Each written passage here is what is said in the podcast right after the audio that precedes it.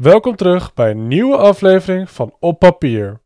Mijn naam is Jonne en wat gaaf dat je ook vandaag weer besloten hebt om aan je droom te werken. Op Papier is de podcast waar jij en ik samen ons droomleven waar gaan maken.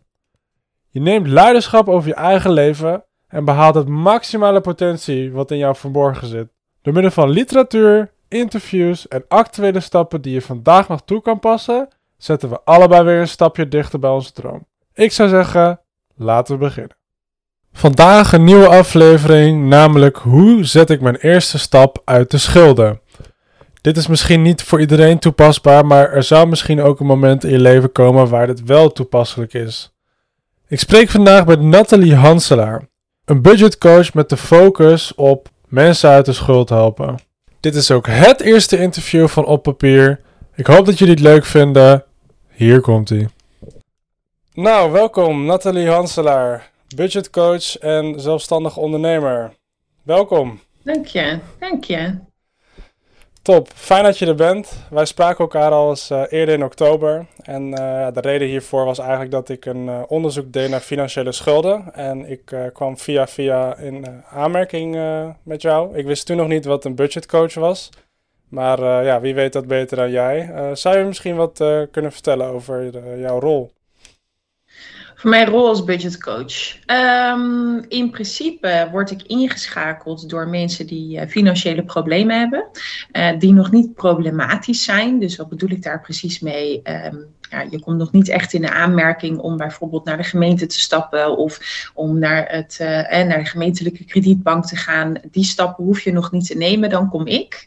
Um, en ik ga samen met je kijken naar wat zijn je schulden, wat zijn je inkomsten, je uitgaven. Um, hoe kunnen we een aantal dingen oplossen? Kan je dat zelf? Moet je misschien toch een ander traject in? Of ben ik, laat maar zeggen, voldoende om jou te helpen daarin? Dus dat betekent dat we samen inderdaad gaan kijken naar de hoogte van je schulden. Um, ik ga voor je uitzoeken um, hoe dat precies op dat ogenblik ervoor staat. Want meestal hebben mensen brieven van twee, drie maanden geleden, omdat ze de post ook niet meer durven open te maken. Um, dus ik ga alles eventjes uh, uh, in een mooi Excel-bestandje zetten en even kijken wat er open staat. Dan gaan we samen bespreken wat is er voor de rest nog nodig. Dus je kan bij mij ook bijvoorbeeld terecht als je inderdaad ben, hè, bang bent om je post open te maken. vind je het lastig om met een budget rond te komen? kan ik ook naar kijken. Um, zijn er voor de rest nog andere dingen, bijvoorbeeld een zorgverzekering? Iedereen is nu weer aan het kijken naar de zorgverzekering. Bij wie kan je dat afsluiten? Je toeslagen, doe ik ook. Dus we kijken eigenlijk alles wat te maken heeft met jouw financiën. Je kan het zo gek niet bedenken of ik doe het eigenlijk. Ik kom je helpen. Oké. Okay. Nou, dat is uh, heel breed. En uh, dat vond ik ook eigenlijk een van de mooie dingen um, ja, met, ons voormalig, uh, met mijn voormalige interview met jou, was dat ja, het is echt wel op de persoon zelf gericht. En het is ook niet ja. ontzettend concreet. in eerste instantie dacht ik eigenlijk als je financiële ja, hulpmiddelen wou inschakelen, dat je bijvoorbeeld naar een financieel adviseur zou moeten stappen. Maar niet afwetende van jouw rol bijvoorbeeld als budgetcoach, ja, klonk dit eigenlijk ook wel als de ideale oplossing.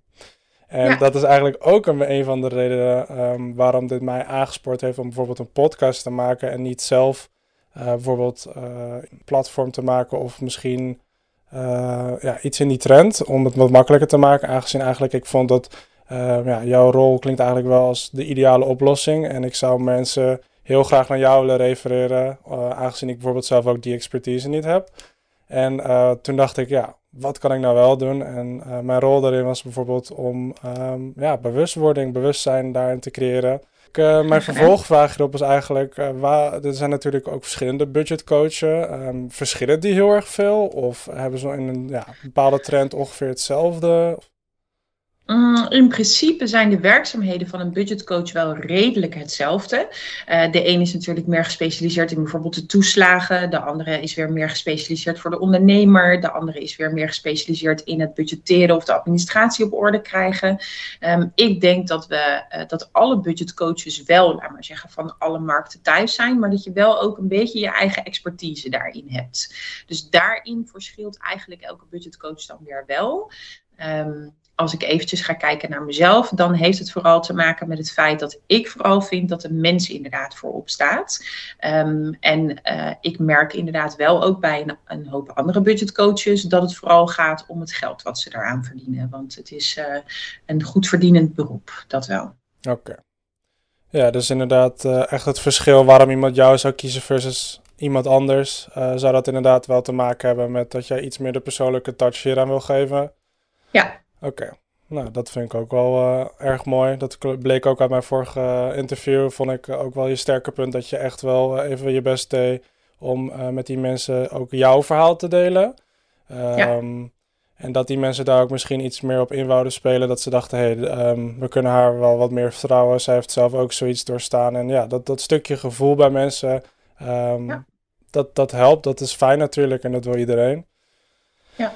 Nou, uh, ja, we hebben voornamelijk jongvolwassenen die luisteren. In eerste instantie uh, wist ik niet zeker of hier bijvoorbeeld uh, schuldhulpverleningstrajecten voor zijn.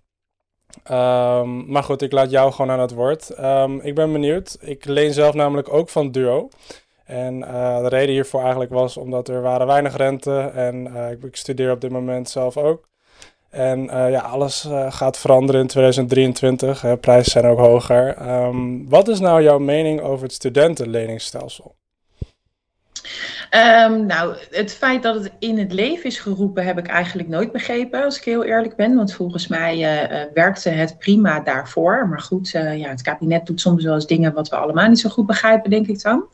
Mm-hmm. Um, ik vind het vooral voor de studenten die er nu last van hebben, vind ik het vooral oneerlijk. Het is ook, hè, het is onterecht dat je uiteindelijk met een best wel hoge schuld achterblijft. Um, daarnaast heeft het zoveel invloed op de rest van je leven. Terwijl het enige wat je aan het doen bent, is gewoon een diploma halen. Dus waarom zou je daar dan zo stuk op moeten lopen? Dat is iets wat er bij mij niet helemaal ingaat. Um, en ook hierin merk je dus weer dat er niet wordt gekeken naar de persoon in kwestie. Er wordt gewoon een regeling gemaakt voor iedereen omdat ze denken dat dat beter is, zonder verder na te hebben gedacht. Dus, uh, dus ik ben het er niet mee eens. Dus ik ben blij dat het wordt afgeschaft. ja, ik, uh, wat ik dan meest uh, ja, intrigerende vind van uh, dit hele verhaal is eigenlijk hoe ze het mogelijk hebben gekregen om bijvoorbeeld mensen die geen geld hebben, bijvoorbeeld studenten, jongvolwassenen, om die alsnog inderdaad iets, iets groots te kunnen verkopen. En ja. ik vind het gewoon zo zonde dat er heel veel regelingen, bijvoorbeeld met de energie, dat ja gezinnen die uh, gewoon werkende ouders hebben bijvoorbeeld wel in een bepaalde toeslag komen en studenten weer niet. En uh, dat vind ik in ieder geval ja. opmerkelijk. En um, ja, mijn volgende vraag was daarop. Heb je wel eens klanten gehad die door dit leningsstelsel in de problemen kwamen en bij jou terechtkwamen? Ja, zeker, zeker. Ik ben op dit ogenblik uh, werkzaam ook nog voor een, uh, voor een andere partij. Die hebben een uh, forensische cliënten. Dus het zijn mensen die hebben vastgezeten. Um, maar die hebben dus ook inderdaad studieschulden. En die zijn echt niet te zuinig. En de duo komt ook inderdaad gewoon elke keer weer gewoon opnieuw aankloppen. En vindt ook gewoon dat er maar betaald moet worden. Terwijl dat gewoon niet kan. Het is onmogelijk. Sommige mensen zijn niet in staat om gelijk dat hele bedrag terug te betalen. of deels daarvan terug te betalen. Dus op dit ogenblik heb ik uh, twee cliënten die inderdaad uh, daarmee te maken hebben. En ik kan je zeggen, dat is zeker niet ook, is ook echt niet makkelijk om daarmee uh, mee aan de slag te gaan. Dus zelfs voor mij als budgetcoach is dat echt wel een uitdaging. Ja. En ik weet toevallig zelf dat het bijvoorbeeld ook met je hypotheekverlening problemen kan zijn. Zijn er nog andere ja. voorbeelden van wat misschien problematisch kan zijn voor iemand die gaat lenen? Uh, nou ja, sowieso is het natuurlijk voor je huis, hè, wat je zegt, met een hypotheek aanvragen. Uh, en daarbij wil ik ook wel even de kanttekening zetten dat uh, er zijn ook mensen geweest die hebben wel eens bedacht dat ze dat dan maar niet gingen vertellen. Want dan werd de hypotheek in ieder geval hoger. Dus ontzettend strafbaar. Dat valt onder het kopje fraude. Dus dat zou ik echt niemand willen aanraden. Dus bedenk je eigen dat ook vooral goed.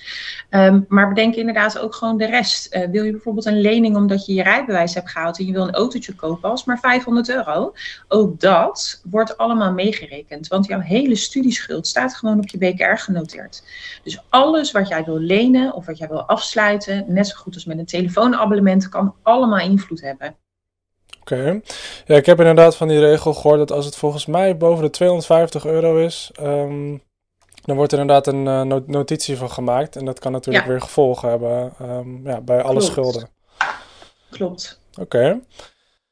Ehm, nog even iets inzoomen op de schuldhulpverleningstrajecten. Uh, we hebben het woord al een paar keer benoemd. Um, zou je het iets meer kunnen toelichten voor ons? En welke mensen komen daar in aanmerking? Um, iets in de globale lijnen. Kan je daar wat meer over vertellen misschien? Ja, natuurlijk. Uh, een schuldhulpverleningstraject is eigenlijk een traject speciaal voor mensen die in de problematische schulden zitten. Dus dat betekent dat het schulden zijn die jij zelf niet zou kunnen aflossen. Um, dan ga je dus naar een gemeente, je maakt daar melding van dat je inderdaad in de schulden zit. Uh, en dan hebben we het over een minderlijk schuldhulpverleningstraject. Dat betekent dat je 36 maanden lang uh, een gedeelte van jouw geld wordt er gereserveerd voor een schuldeiser. En na die 36 maanden wordt het overige bedrag wordt kwijtgescholden. Dat is je minderlijke traject. Uh, dan heb je daarnaast ook nog een wettelijk traject. Maar ja, ik hoef daar denk ik nu niet heel erg over uit te wijden, want meestal is een wettelijk traject is iets wat je wordt opgelegd door de rechter als je er zelf echt een rotzooi van hebt gemaakt en dus niet bereid bent om een aantal dingen op te lossen. Sowieso komen daar ook jongvolwassenen voor in aanmerking, dus het maakt niet uit hoe oud je bent, maar als de gemeente besluit inderdaad dat jouw inkomen uh, niet voldoende is om al jouw schulden te kunnen betalen, dan maakt het niet zoveel uit of dat je nou 19 bent of dat je 36 bent, dat doet er niet zoveel toe, maar kijken dan wel naar de situatie op dat ogenblik. Dus ook een jong volwassene kan daarvoor in aanmerking komen. Oké, nou dat is mooi in ieder geval, hè, dat, die, dat die hulp daar is. Wat mij ook opviel was uh, bij de vorige, vorige interview uh, kwam het erop neer dat jij bijvoorbeeld, sorry, dat mensen inderdaad bij jou terechtkwamen en dat um, ja, normaal mensen in de schulden hebben natuurlijk niet heel, heel groot budget om uh, volledig geholpen te worden. Maar wat jij zei, inderdaad, door middel van zo'n schuldhulpverleningstraject uh, kan je die mensen je volledige pakket aanbieden zonder dat je daarover na hoeft te denken bij het geld. En uh, met dat, dat zeggende uh, is het misschien leuk om wat te vertellen over jou als ondernemer zelf. En hoe heet jouw bedrijf? Hoe ben je een beetje in aanmerking gekomen dat mensen vanuit een schuldhulpverleningstraject bij jou zijn gekomen? Ja, ik ben uh, zelf begonnen uh, uit het stukje dat ik zelf ook een schuldhulpverleningstraject heb gevolgd. Uh, ik heb een scheiding gehad, waardoor ik helaas met een heleboel schulden bleef zitten. nou denk ik dat ik spreek voor iedereen die het lastig heeft, dat je het vooral eerst even zelf gaat proberen. Dat is best lastig, want elke schuldeiser vindt vooral dat jij gelijk de volle map moet gaan betalen en dat kan helemaal niet. Um, dus uiteindelijk na een hoop nadenkwerk en mijn trots dan maar opzij te hebben gezet, ben ik naar de gemeente gegaan en aangegeven: joh, ik kan het niet. Ik wil het wel, maar ik kan het gewoon niet.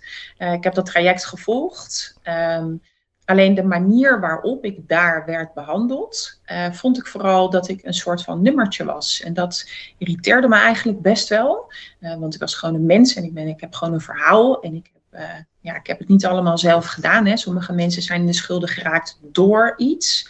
Uh, en dat je daar zelf op had moeten letten, dat snap ik. Alleen, ja, weet je, is dat nodig om dat, dat op dat moment te benoemen? Dat denk ik niet. Um, vanuit daar kreeg ik een cursus aangeboden, uh, goed omgaan met geld. Terwijl ik toch altijd heel erg goed ben omgegaan met mijn eigen centen. Um, die heb ik gevolgd. Um, en toen ik daar zat, vond ik het zo intrigerend. Want je zit dan met een stuk of acht mensen, die hebben allemaal hun eigen verhaal. En ik vond dat eigenlijk zo mooi dat dat me heeft bewogen om uh, een opleiding te gaan volgen. En om ook de trainer van die cursus te vragen of dat ik misschien eens aan de andere kant van de tafel mocht komen zitten. En dat heb ik nu al, denk ik, een stuk of vier keer gedaan. Dat is uh, ontzettend mooi ook om te doen. Uh, omdat je dan inderdaad ook de mens achter de schulden hoort. En ik denk dat dat vooral belangrijk is. Um, na, mijn, uh, um, ja, na het behalen van mijn diploma, waar ik echt ontzettend trots op was, uh, ben ik eigenlijk uh, heel snel naar de KVK gerend om een inschrijving daar te doen om mijn bedrijf te gaan starten. En ben ik nu al ja, iets meer dan een jaar ben ik nu bezig voor mezelf. Um, mijn bedrijf heet uh, Budget Coaching. Ik heb het expres zo genoemd omdat het vooral jij en ik is die het samen gaan doen. Um, en ik denk dat je daaruit heel erg ook merkt dat het inderdaad gaat om de personen. En niet om ja, het hele stuk daar weer achter. Dat je schulden hebt, daarvoor kom je naar mij toe. Maar ik denk dat het belangrijk is dat ik met je om kan gaan als mens. En uh, dat doe ik elke dag. En ik moet eerlijk zeggen dat ik dat elke dag met heel veel plezier doe. Um, ik werk zelfs in de weekenden af en toe. Dat je echt denkt, stop eens een keer met werken. Mijn man vindt dat vooral. Hè. Die zegt dan, doe maar even een beetje rustig.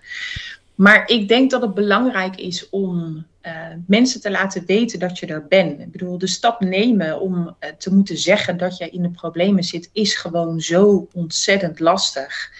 En ik wil iemand, laat maar zeggen, ja, een handreiking geven en uh, vertellen dat het wel goed komt. En als het niet goed komt met alleen maar mij uh, als budgetcoach naar je financiële problemen te kijken, dan ga ik je leiden naar een schuldhulpverleningstraject. En ben ik er daarna ook nog om je bij te staan en uh, om de moeilijke dingen even door te gaan. Of ja, weet je, als je het even lastig hebt en je wil gewoon even bellen om het eventjes van je af te praten, dan kan dat ook.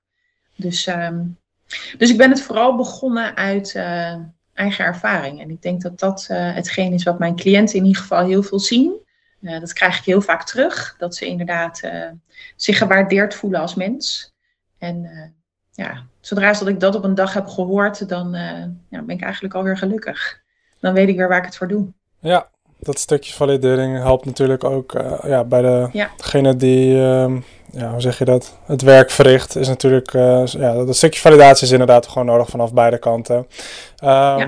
ja, je, zei, je zei net uh, inderdaad dat moeilijk, mensen het heel moeilijk vinden om bijvoorbeeld die eerste stap te maken.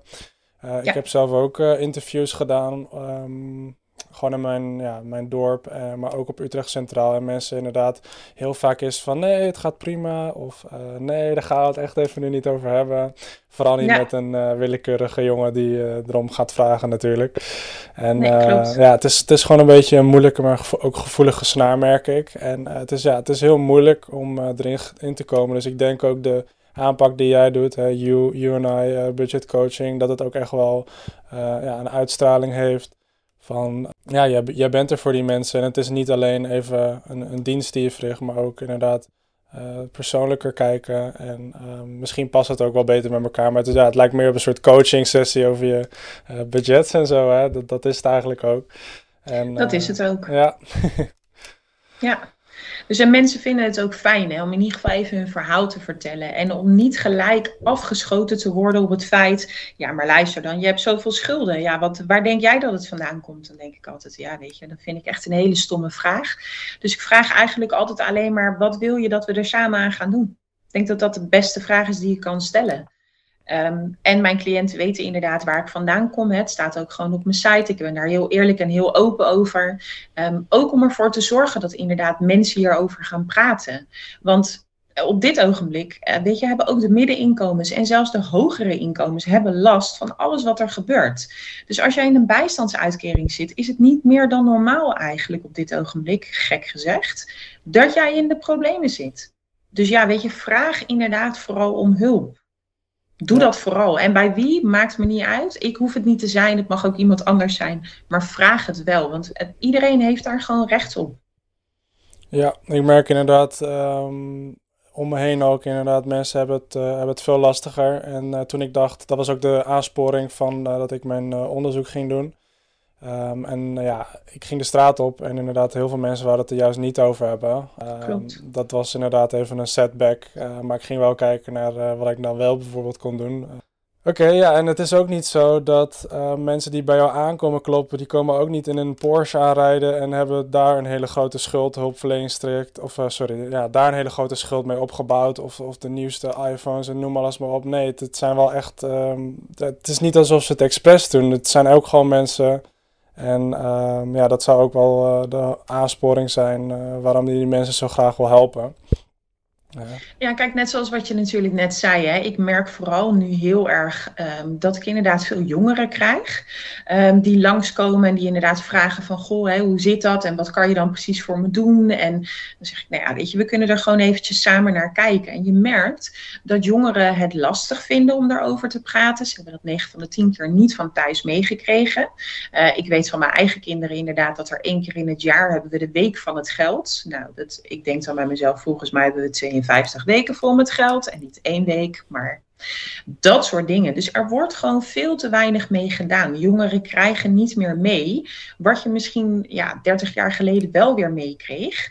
Geen idee wat er precies is veranderd. Maar op dit ogenblik merk ik vooral dat er, er ligt ook een druk. Hè? Zeker op de jongeren van nu ligt er gewoon een druk. Je moet presteren, je moet uh, erbij zijn, uh, je moet uh, de kleren dragen die iedereen draagt. je moet de dingen doen zoals dat iedereen doet. Je hebt de apparatuur nodig die iedereen heeft. Ja, en daarnaast moet je ook nog dingen betalen. Dan moet je ook nog werken. En ja, weet je, dan hoor je nu misschien ook dat je ouders in de problemen zitten financieel. Dus er zijn zoveel dingen die daarin meespelen. Dat ik inderdaad nu wel merk dat er vooral veel jongeren bij mij aankloppen. Dus dan heb ik het echt uh, tot en met 27, laat maar zeggen. Die, uh, die heb ik vaak. Ja. Ja, ik denk ook dat het inderdaad een beetje met uh, de moeilijkheden uh, te maken heeft. Bijvoorbeeld als je wilt gaan studeren. Daar zit natuurlijk ja. een hoop geld bij gesomd. Maar dan daarnaast heb je ook het huren van je woning. Als je er überhaupt al in krijgt. Um, dan ben je meestal al blij zat dat je er kan zitten. En dan is de prijs, ja, ja. Je, de prijs maakt dan al in principe niet meer uit. Want ja, je zit er, je kan studeren en uh, met de gedachtegang van je maakt later toch veel geld, dan kan je het weer recht trekken. Uh, ik zie dit steeds vaker uit de hand lopen. En um, ik kwam ook laatst uh, ja, op iemand op LinkedIn, begon ook over de, ja, hoeveel schulden je opbouwt met de nieuwe rentenummers, de nieuwe rentecijfers. En uh, ja, dat loopt gewoon, dat tikt gewoon echt aan. Dat loopt gewoon echt heel erg op. En ik denk vooral met dingen zoals hypotheken of andere grote leningen, uh, dat je gewoon helemaal vast komt te zitten. Dus ik vind het ook niet gek dat inderdaad uh, veel jonge mensen bij jou langskomen. Ja, en niet vergeten dat als je 18 bent, en dat is denk ik een beetje waar het een beetje misgaat. Als je 17 bent, krijg je een brief met alle dingen die jij moet gaan doen als je 18 bent. Wat moet je gaan betalen, waar moet je rekening mee houden. Maar op het moment dat je 18 bent, mag je elke lening afsluiten. Je mag een creditcard aanvragen. Je kan een telefoonabonnement uitkiezen. Het maakt eigenlijk niet zo heel erg veel wat jij, uit wat jij doet. Maar alles kan ineens. Dus de wereld ligt aan jouw voeten. En eerlijk is eerlijk, maar als je 18 jaar bent, overzie jij totaal niet de consequentie die dat heeft op de langere termijn. En dat is hetgeen waar eigenlijk alles op misgaat. Dus wij zeggen ook, hè, ik zeg eigenlijk ook altijd, net zoals de trainer uh, waarmee ik samenwerk. Um, je hebt het niet geleerd. Dus dat is je excuus hè, voor wanneer het mis is gegaan. Als je schulden hebt uh, en je komt bij mij, dan zeg ik ook van, oké, okay, je hebt het niet geleerd, geef niks ik ga je nu alle tools geven. Ik ga je alle vaardigheden, vaardigheden ga ik je aanleren. En dan kan je ermee verder. Dan kan je het nooit meer, dan kan je daarna nooit meer zeggen, maar ik heb het niet geleerd. Maar als je 18 bent en jij wordt eigenlijk gewoon zo in het diepe van de zwembad gegooid en je kan niet zwemmen. Ja, dan is het niet gek dat je verzuipt.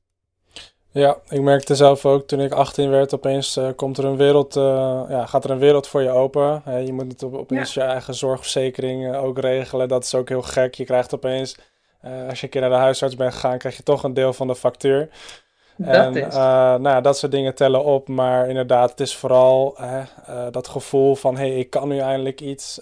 ik kan nu die nieuwste iPhone bijvoorbeeld kopen. Dan, en, en je ja. hebt de mogelijkheid tot lening. Ja, die drang, die is er. Hè. Ik zeg niet dat iedereen het doet. Maar ik kan me voorstellen dat je echt mis, ja, de, de mist in kan gaan. Ja. Als jij opeens die verantwoordelijkheid niet meer bij je ouders legt, maar bij jezelf. En dat je zelf de keuze mag gaan maken. En inderdaad zoals je zegt, je leert het niet. Uh, er is maar één week en dat gaat wa waarschijnlijk alleen maar over sparen. En niet over ja. uh, geldbewustzijn, uh, misschien minimalistische leven. Um, nou, dat soort dingen allemaal. Klopt. Ik zie dat, het ook, dat, we, ja, dat het lekker gaan afronden. Um, dat was dan het einde van deze interview. jouw bedrijf You&I Coaching, Budget Coaching, sorry. ja, die helpt mensen uit de schulden. Hoe, men, hoe gaan mensen die dit luisteren nu jou vinden? Uh, je kan mij vinden op LinkedIn. Daar kan je me gewoon vinden op mijn naam, Nathalie Hanselaar. Uh, en je kan natuurlijk uh, naar de website gaan. Dat is youandibudgetcoaching.com. daarnaast ben ik voor de rest op elke social eigenlijk wel te vinden. telefoonnummers en alles staan ook overal bij. Dus als je me nodig hebt, schroom vooral niet. Bel gewoon en dan ga ik kijken wat ik voor je kan doen. Yes, nou, ik zal sowieso de linkjes gewoon in deze aflevering zetten. Dan kan je er uh, gewoon op klikken, hoef je ook niks te zoeken. En uh, dan komen Top. we er wel. nou, dankjewel Nathalie om, uh, ja, voor deze prachtige interview. Graag gedaan. Jij ook erg bedankt voor de bewustwording op het financiële vlak. Ja, en dankjewel Nathalie. Graag gedaan. Yes, dat was het interview alweer. Maar we gaan nog één ding doen zoals beloofd, een actuele methode waar je vandaag nog iets mee kan. Dit is voornamelijk voor de uh, studenten onder ons. Neem even een kijkje bij je studiefinanciering en maak een opsomming hoeveel studieschuld jij opbouwt zodra je afgestudeerd bent. Als je dit in kaart hebt, krijg je al een veel beter beeld hoeveel je uiteindelijk terug moet gaan betalen. Het probleem waar we nu tegenaan lopen is dat de rente gaat omhoog. 0,46% als ik het nog goed kan herinneren. Klinkt niet zo hoog, maar dit is niet de eindstreep. Er wordt al een verwachting gedaan dat dit naar 2,5% oploopt. En het vervelende is dat je nu niet even gauw kan stoppen en dan de 0 of 0,46% gaan betalen. Iets om over na te denken, maar ook even gewoon doen. Het is belangrijk dat je duidelijk in kaart hebt wat er precies aan de hand is, wat er gaat gebeuren. Anders ben je straks heel veel aan het werken voor schulden die je misschien had kunnen voorkomen. Het is namelijk veel voorkomen dat mensen dus maximum lenen terwijl ze minder nodig hebben. Het nadeel hiervan is dat je dus nu opeens wel rente moet gaan betalen. En voor degenen onder ons die geen studiefinanciering hebben, maar wel andere soort schulden, mijn advies is: neem alles even onder de loep. Kijk naar uh, hoeveel je betaalt voor je huur, abonnementen, wat voor abonnementen heb je nog openstaan die je misschien helemaal niet meer gebruikt. Maar neem ook eens even een kijkje online. Er zijn namelijk ook websites, bijvoorbeeld zoals Gierige Gerda. Die hebben gewoon tips waar je misschien overheen gekeken hebt. Die kunnen je ook gewoon helpen in jouw situatie. Mocht dat dingen nou een beetje uit de hand lopen of zie je het gewoon even niet meer zitten, neem een kijkje op de website van Nathalie en ga gesprek aan met een echte budgetcoach. Dat was hem alweer. Het eerste interview van Op Papier. Klik even op de beschrijving van deze aflevering en klik even op de enquête. Als je deze voor mij wil invullen, dat zal me enorm helpen. Ik wil graag namelijk ook jullie feedback over deze interview. En vergeet zeker niet even Nathalie's socials te bezoeken. Ook deze staan in de beschrijving van de podcast. Bedankt voor het luisteren en tot de volgende keer.